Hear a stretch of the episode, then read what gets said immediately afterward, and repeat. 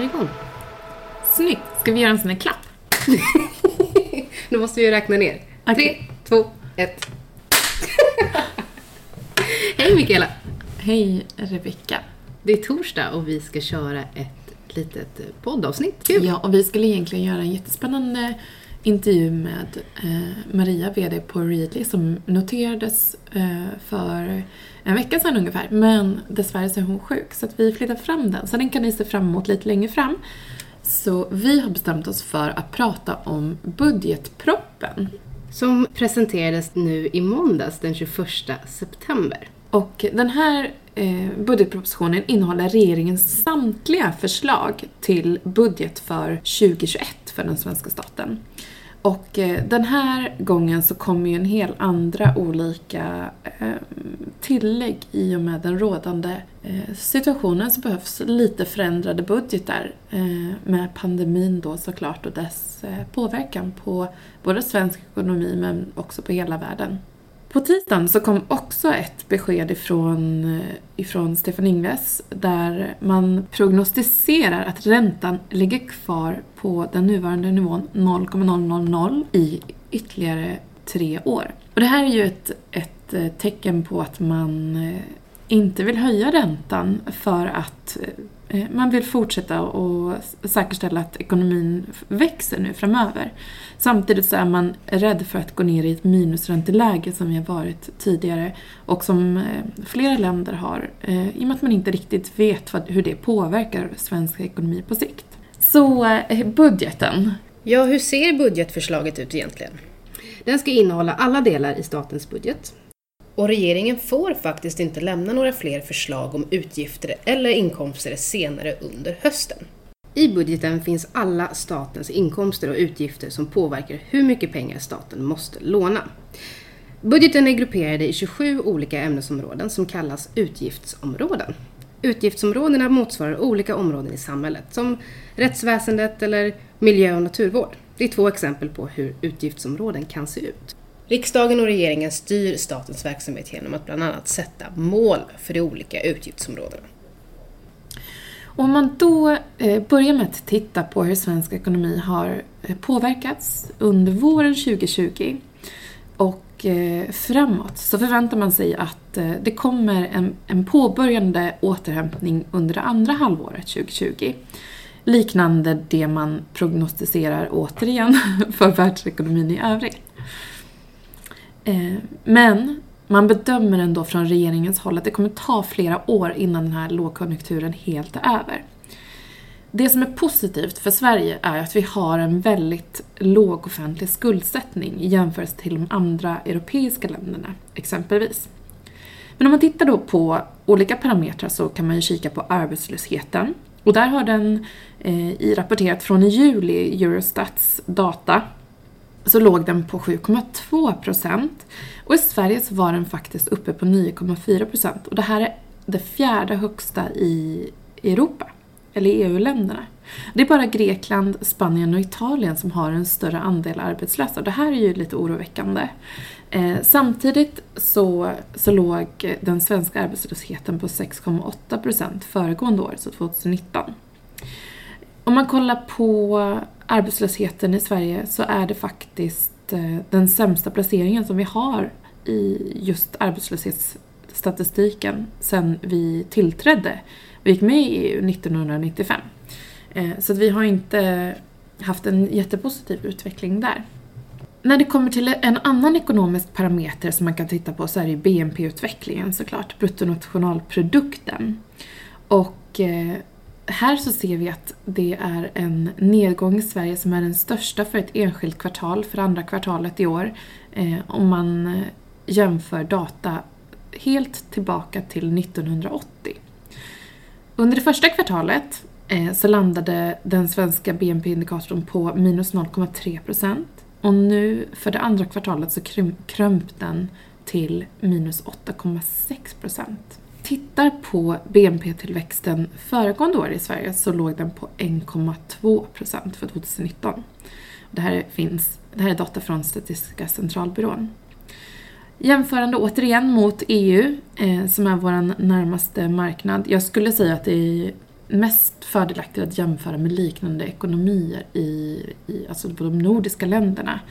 Eh, men ändå viktigt att se hur det, utvecklingen är i Europa, för det är ändå vår största exportmarknad. EU-ländernas samlade ekonomier föll under det andra kvartalet med 11,9 procent, visar preliminära siffror. Eh, så det har varit en, en kraftig nedgång även på kontinenten, något större än i Sverige. Finansieringen av de olika stimulanserna för att sätta igång svensk ekonomi finansieras ju av vår statsskuld, kan man säga. Det är ju ett lån. Och bara för lite bakgrundsinformation. Eh, de som ansvarar för, för att förvalta statsskulden, den myndigheten heter Riksgälden. Och eh, den ska ju säkerställa att kostnaderna minimeras samtidigt som man inte tar så stor risk.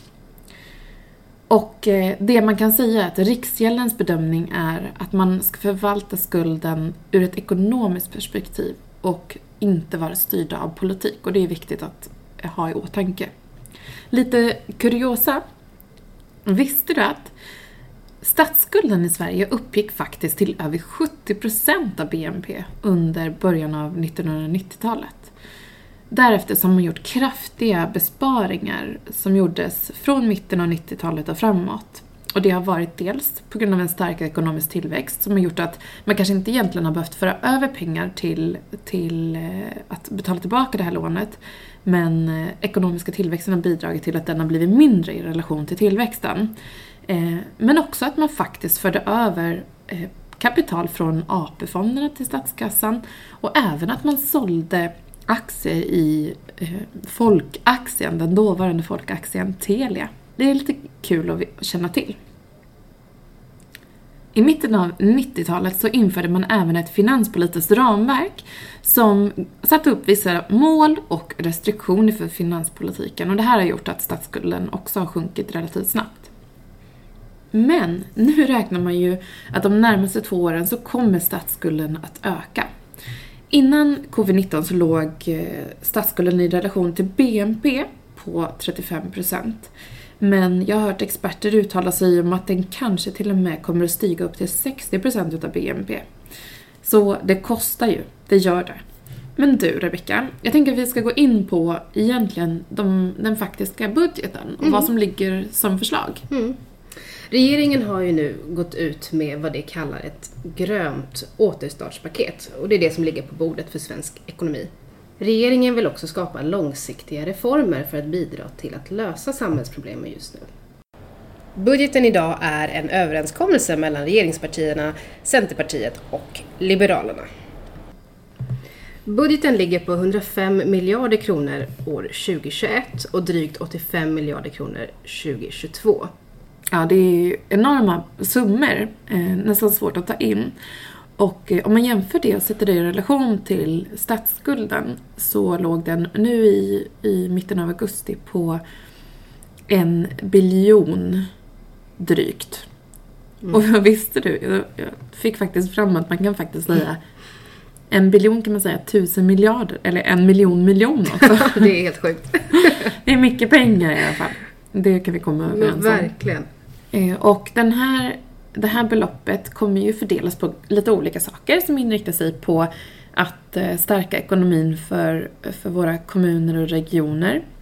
Som har drabbats hårt såklart. Det är ju de som ansvarar för eh, kollektivtrafik, det är ju eh, vården och så vidare. Många olika områden som har drabbats hårt. Både genom minskade skatteintäkter men också genom ökade kostnader. Eh, så de får ett tillskott. Eh, kommunsektorn får 5,5 miljarder. Och då är det för att eh, stärka krisstödet, samtalsstöd och traumastöd till personal inom hälso och sjukvården och också inom äldreomsorgen. Mm. I ändringsbudgeten föreslås även 0,7 miljarder till Svenska landsbygdsprogrammet. Ja, man pratar ju ofta från politikernas håll om en levande landsbygd och vikten av det. Eh, ett annat område som får, eh, som får lite reviderat eh, upplägg framåt är att man exempelvis om man är sjuk inte behöver lämna in ett läkarintyg. Och även personer som tillhör olika riskgrupper har faktiskt fått möjlighet att stanna hemma för att skyddas helt enkelt under, en, under den här perioden. Mm. Vi har hittat några områden som kommer att påverka dig som företagare. Och den första är FoU-avdraget. Det kommer att förstärkas. Det betyder att företag som anställer personer som arbetar med forskning och utveckling betalar lägre arbetsavgifter och lägre allmän löneavgift. Eh, sen så har det ju funnits eh, korttidspermitteringar möjligt till det och det har gjort att flera utav de eh, stora börsnoterade bolagen exempelvis har haft ganska bra eh, kassa i och med att de har kunnat permittera sin personal och eh, stått relativt starka nu under hösten, även om omsättningen har minskat såklart. Dessutom så kan du som, som företagare inom, som erbjuder tjänster av olika slag få, eller erbjuda dina kunder rutavdrag. Det ökar något. Och flera nya tjänster läggs till i det här nya förslaget. Mm. Sen har vi ju ett utökat växa-stöd. Och det innebär att du får en lägre arbetsgivaravgift när en företagare anställer sin första person eller medarbetare. Och det är växa-stödet. Och det kommer nu att utökas till anställd nummer två. Men Mikaela, miljöfrågorna då? Finns det något förslag som ligger där? Det finns några förslag som ska bidra till en mer hållbar miljö. Bland annat så blir det dyrare med tjänstebil. En ökad förmånsbeskattning föreslås. Sen ett annat hållbart eh, initiativ är ett rotavdrag för installationer av solceller.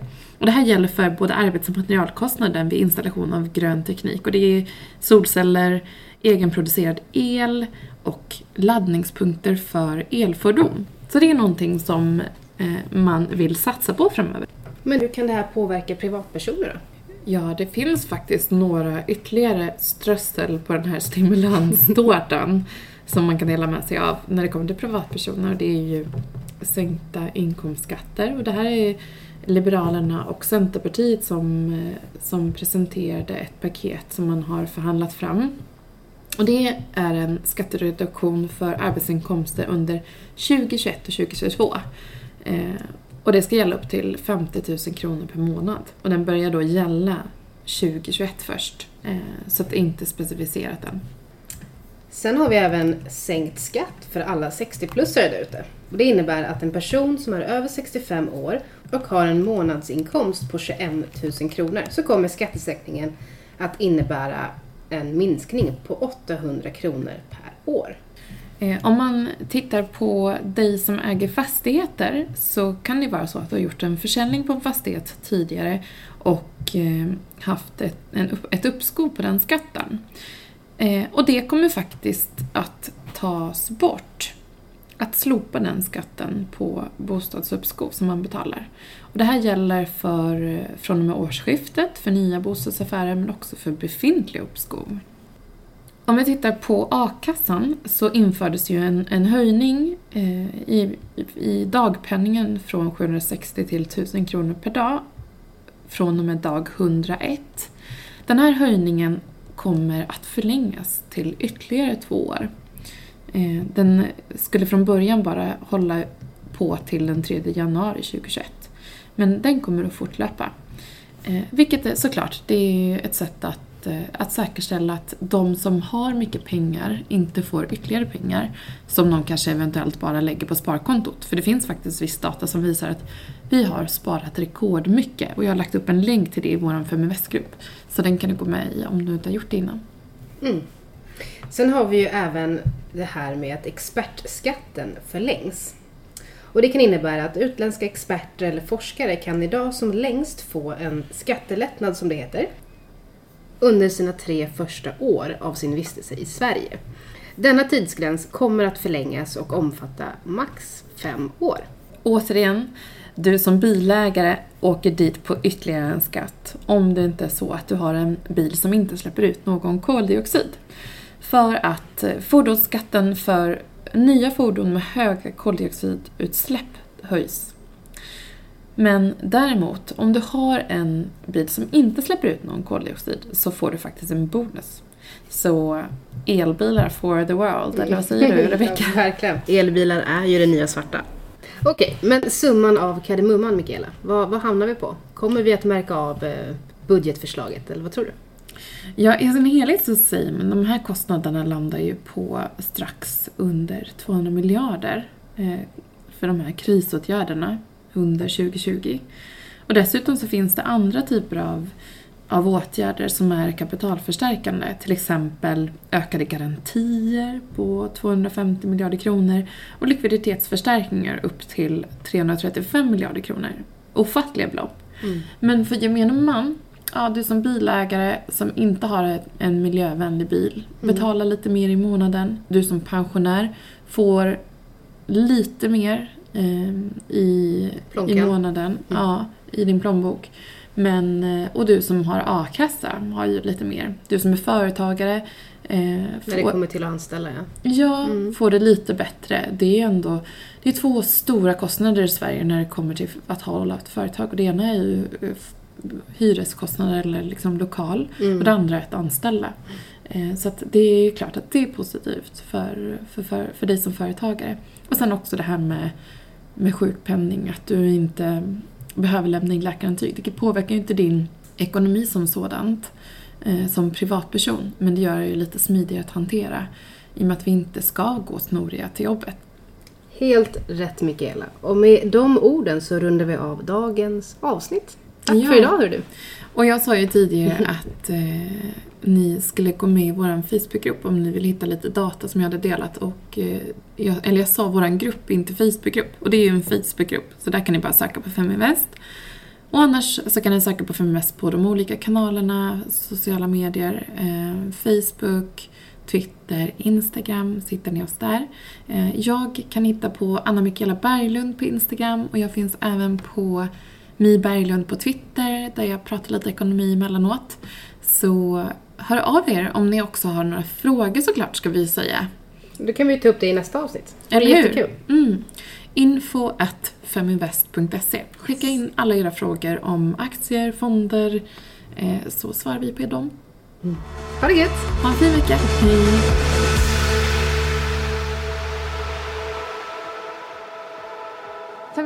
Är Sveriges största investeringsnätverk för tjejer. Vi vill att allt fler ska våga äga och förvalta. Och hur gör vi då detta? Jo, vi vill inspirera, utbilda och utmana runt ägande, investeringar och entreprenörskap. Följ Feminvest på våra kanaler Facebook, Instagram, Youtube varje vecka så kommer vi även ut med en podd och du kan ju självklart även följa nyheterna som publiceras på feminvest.nu. Det är bara att söka på Feminvest på samtliga kanaler så hittar du till oss.